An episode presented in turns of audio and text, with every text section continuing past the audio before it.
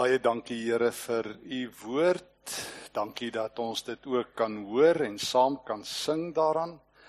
Dankie vir goeie nuus, vir evangelie, vir blye tydings.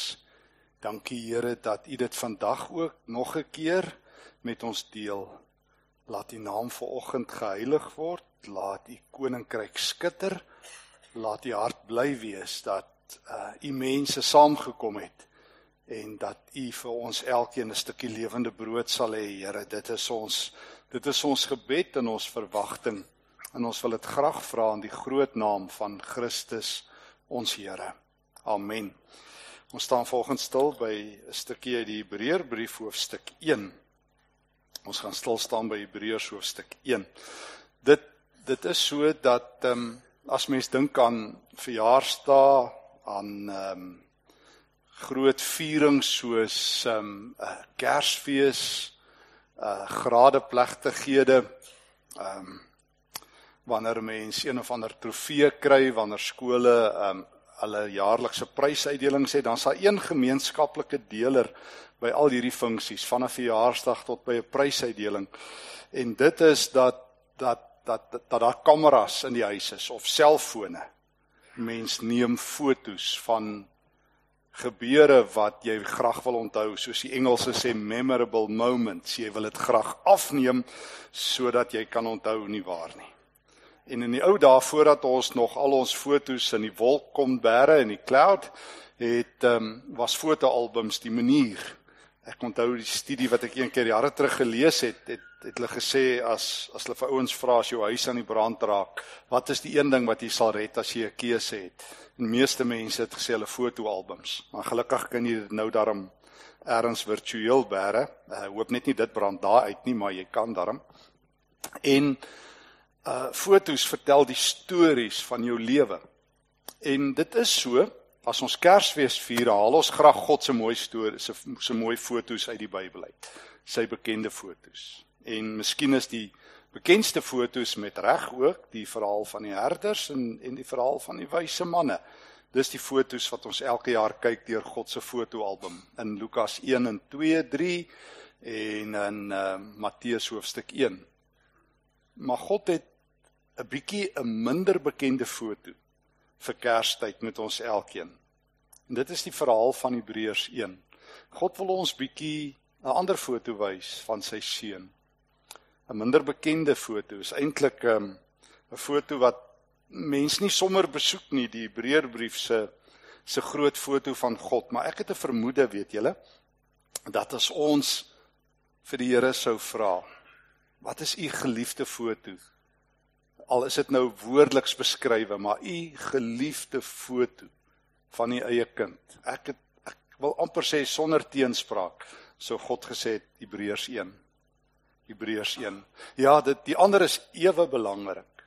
Ja, dit is wonderlik om te hoor hoe Jesus gebore word in in uh in 'n stal en dit vertel vir ons die verhale van Jesus se geboorte so aangrypend, maar maar God se gunsteling foto van Jesus. Hebreërs 1. Kom ons loop stadig deur hierdie eerste paar verse. In die verlede het God baie keer en op baie maniere met ons voorvaders gepraat deur die profete. Maar nou in hierdie laaste dae het hy met ons gepraat deur die seun. Ehm um, hm, ons hou daarvan van hierdie uitdrukking die goeie ou dae. En dan beteken dit wanneer mense dit sê dan weet jy nou is sleg. Ek het nog nooit gehoor die ouens sê in die goeie ou dae maar weet jy vandag is beter nie. Het jy dit al gehoor? Weet in die goeie ou dae toe die kinders nog nie straat gespeel het in die goeie ou dae toe ehm, 'n um, brood nog 10 sent gekos het. In die goeie ou dae ja, toe ons nog die wêreldbeker gewen het. In die goeie ou dae hm, toe verras die Here ons. In elk geval, en in die goeie ou dae toe dit gebeur het en dat gebeur het. Maar die goeie ou dae is ook net goed soos ek altyd sê as jy nie self daar is nie. Want as jy daarop is, is dit nie meer so lekker nie. Ek het tog ek kan vir jou 'n waarborg gee vir oggend as jy na die goeie ou dae toe gaan of jou idee daarvan. Ehm um, en jy sê vir die mense jy's nou hier om die goeie ou dae te vier dan sê hulle dis nie dit nie dis nie dit nie jy moet 20 jaar terug gaan ek kan jou brief waarborg ek wil jou brief gee die goeie ou dae is net goed as jy nie self daar is nie maar die feit is jy moet nou baie mooi kyk in Hebreërs 1 vers 1. God sê, weet julle wat?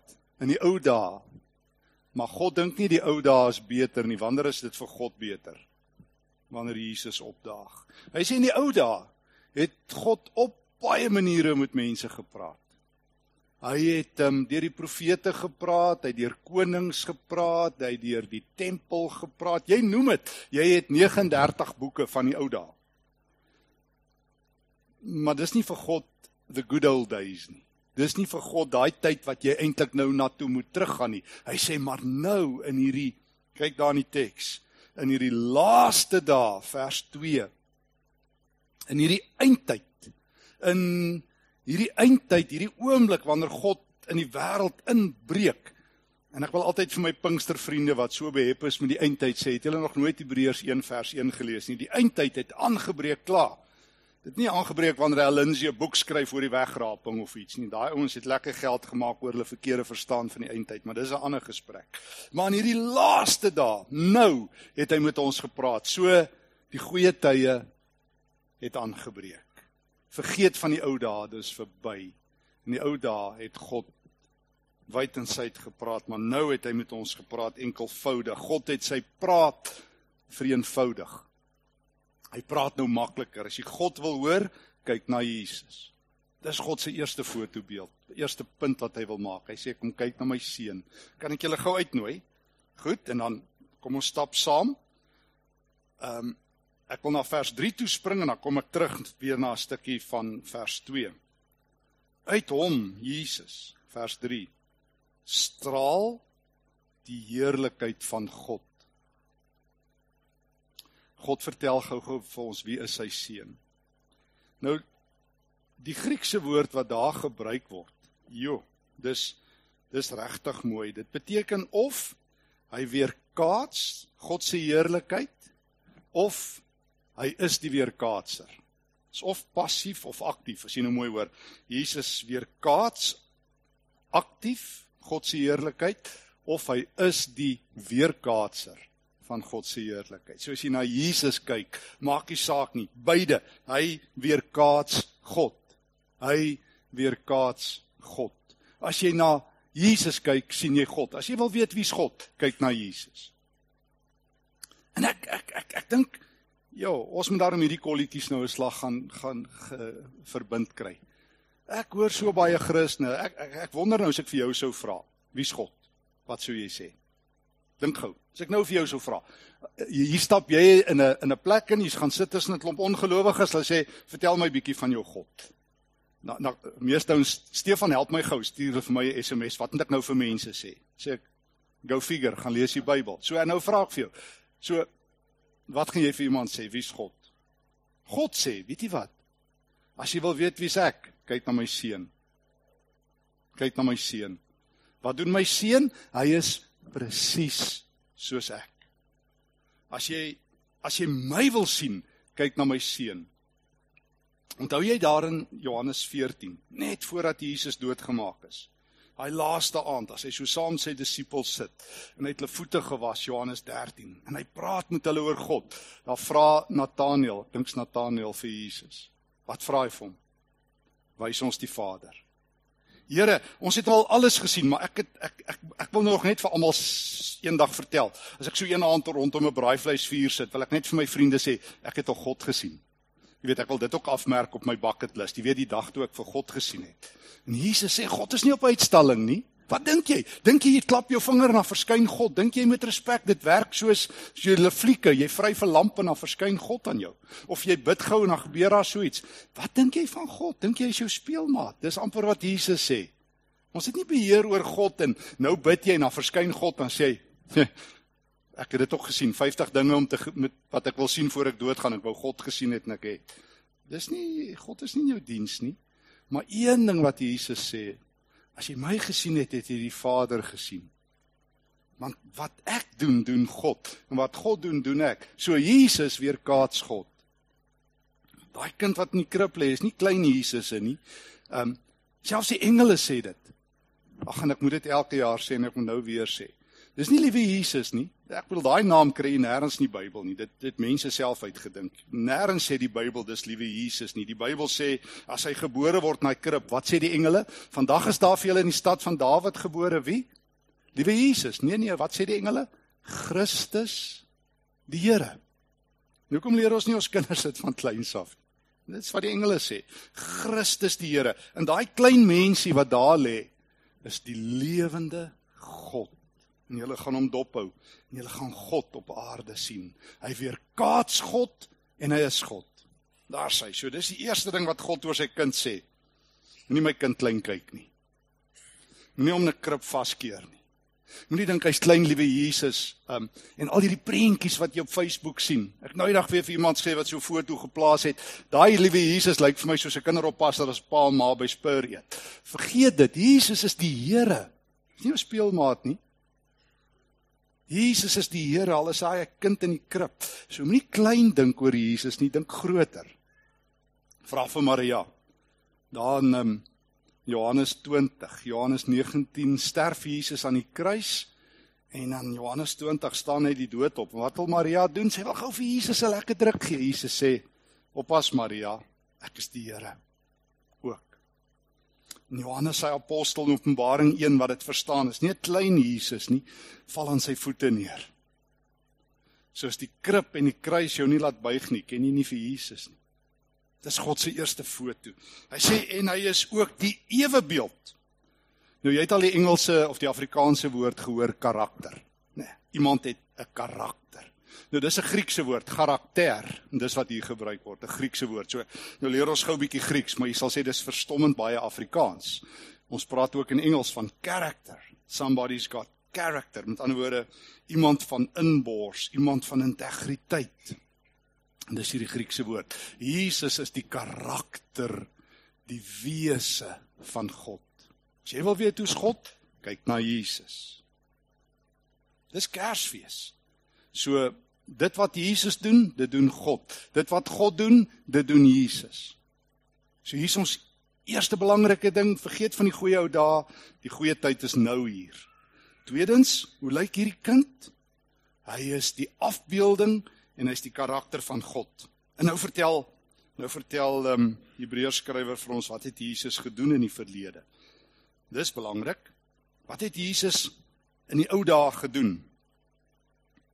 Vers 2. God het die wêreld deur Jesus geskep. Hm, dis hoe groot Jesus is. Dis net die Kolossense brief en die Hebreërbrief wat in die Bybel sê Jesus is ook skepper. Ons ken Genesis 1. In die begin het God die hemel en die aarde gemaak. Maar Hebreërs sê deur Jesus. Kolossense 1 vers 15 tot 20 sê deur Jesus. So nou weet ek al. Ek weet al die goeie ou dae is nou. Dis sommer nou die goeie nuwe dae. Ek weet dit is die tyd van Jesus. Ek kan deur hom, deur God se kind na hom kyk en sien wie's God en Jesus en ek weet nou nog 'n ding. Hy is die skepper. Hy het alles gemaak. Hm. Alles wat jy kan sien en nie sien nie, sê Kolossense 1, het Jesus gemaak. Hy hou die hele wêreld so in sy handpalm. Dit is belangrik om dit te weet. Dit is belangrik om te weet hoe groot is Jesus. So Hebreërs 1 sê God, ek wil julle hê, ek wil julle graag uitnooi om groter te dink oor my kind. Vergeet 'n klein Jesus. Vergeet 'n Jesus wat die hele tyd aan die slaap lê in 'n krib. Ja, ja, ja, hy is in 'n krib. Maar my kind is so groot dat hy die wêreld geskep het. Hy was daar toe die son en die maan en die sterre uh, in aansyn geroep is. Hy was daar toe God vir Job gesê het in Job 38, jy daag my uit, jy dink ek is jou speelmaat wat jy kan aankla. Job, was jy daar toe ek die son aan die brand gesteek het? Job, was jy daar toe ek die sterre een vir een in hulle biljoene in die hemelruim uitgepak het? Job, kan jy regtig vir my sê ek is die onregverdige God, ek wat alles gemaak het? Daai daai Jesus in die krib, weet jy, dis God. Dit is hy wat die hele wêreld in sy handpalm het. Hy is die een deur wie alles gemaak is. O ja. Vers 3. En wat doen Jesus nou? So ek kom agter waar wie is hy? Ek kom agter wat het hy gedoen? En en ek kom agter vers 3. Hy het hy is die ewe beeld. Hy hou alle dinge deur sy magswoord in stand en het die reiniging van sondes bewerk. Net Jesus kan een groot ding doen. Hy kan mense red. Sjoe ons is in die kerk eintlik 'n bietjie verkeerd geleer. Ons het hierdie uitdrukking nou moet jy mooi luister as jy dink ek se dwaalleraar. Die eerste ding wat meeste mense sê, Jesus het my sondes gesterf. Hy het dit geniks gedoen nie. Hy het vir jou gesterf. Ek hoop jy die verskil gehoor. Hy het nie vir jou sondes gesterf asof hier is jy, hier sondes en daar's Jesus nie. Jesus het vir mense gesterf.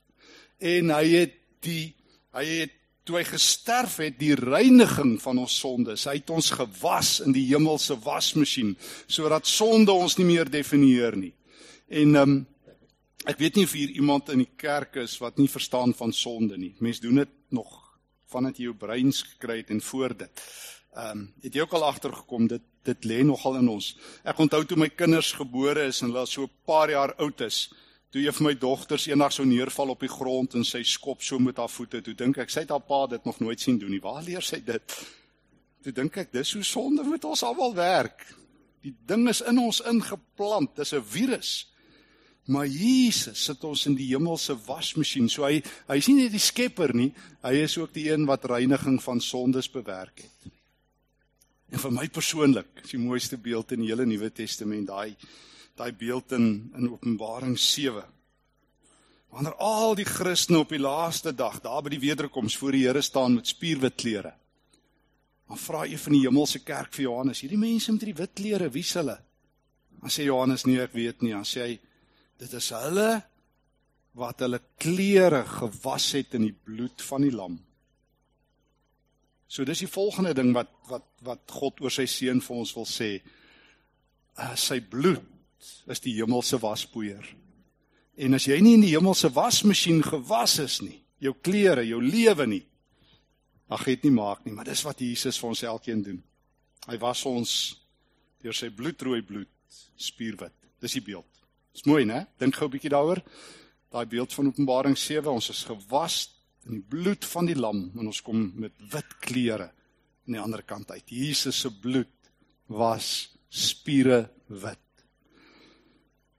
Dis wat hy in die verlede gedoen het. So kyk gou terug weer 'n oomblik. Wie is Jesus? Hy's die afbeelding van God, hy's die karakter van God. Hy is die skepper en hy het ons gewas deur sy bloed, hy het ons gereinig.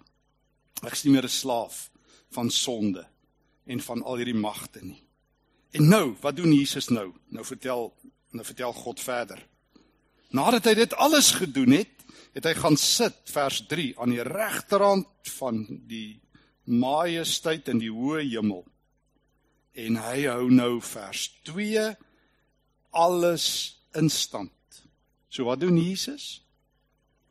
Ehm um, ek het dit verkeerd verstaan in my kinderjare. Want ou Dominee dit ek weet nie of hy dit verduidelik het of die een Sondag uh toe hy dit verduidelik het, het ek dalk geslaap want hy het vir my baie keer geklink hy praat Grieks of Hollands of iets. Ek kan nie mooi die ou dominee se taal verstaan nie. My ma moes my die hele tyd so wakker hou en druk in die kerk. Eers my bene was altyd vol knoppe, soos hy my gedruk het om wakker te bly. Maar in elk geval, ek het gedink Jesus net vir my sondes gesterf. Dan sê hy mos nou op pensioen, dan wat doen hy nou? Hy het mos nou afgetree. Nee. God sê, weet jy wat doen my kind nou? Hy sê kyk op my fotobeeld. Weet jy wat doen Jesus nou? Hy hou alle dinge in stand.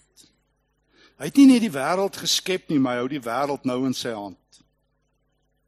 En as jy na Paulus se fotobeeld kyk in Kolossense 1, miskien moet ons dit volgende week doen, Kolossense 1 lees. Um kyk, sê Paulus, weet jy Jesus hou alles so in sy regterhand vas. Hy's so sterk. Hy sit alles in sy regterhand en hy balanseer die hele heelal in sy regterhand. Dis Jesus. Dis Jesus. Ja ja, ja hy's gebore. Ja hy's in 'n krib. Ja hy het in Nasaret gebly. Maar moenie dink dis 'n klein Jesus nie. Hy hou die hele heelal in sy hand. Of het jy vergeet? Wat was Jesus se laaste laaste woorde op aarde? Sy heel heel heel laaste woorde. Sy heel laaste woorde was Matteus 28 vers 19 en 20.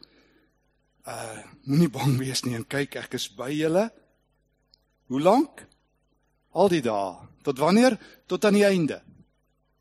So hy's en in die hemel en op die aarde.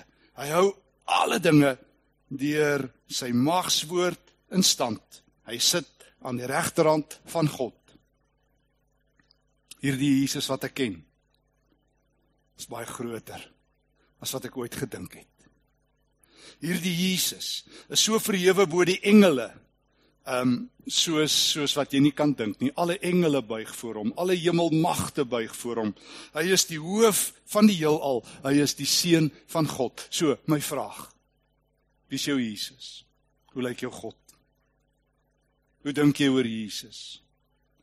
Het hy net vir jou sondes gesterf of het baie meer gedoen? Hy het vir jou gesterf. Hy het jou gereinig. Jy's 'n nuwe mens. En as jy hierdie Jesus sien, wat behoort jy te doen? O, o, toe Petrus hom reg verstaan het in Lukas 5, nadat Jesus vir Petrus gesê het dat daai nag toe hy moes gaan visvang, dat hy weer sy nette moet ingooi en hy Jesus herken, wat het Petrus gedoen? Hy het voor Jesus neergeval. O, Johannes in Openbaring 1 toe hy hom op Patmos gesien het, het aan sy voete geval soos 'n dooie. O, Thomas toe hy Jesus herken het in Johannes 20 het wat gedoen? Aan sy voete geval en gesê: "My Here en my God." So weet jy wanneer breek goeie tye aan? Weet jy wanneer gebeur Kersfees? Wanneer hy aan Jesus se voete neerval. Wanneer hy voor hom buig. Wanneer hy sê: "My Here en my God."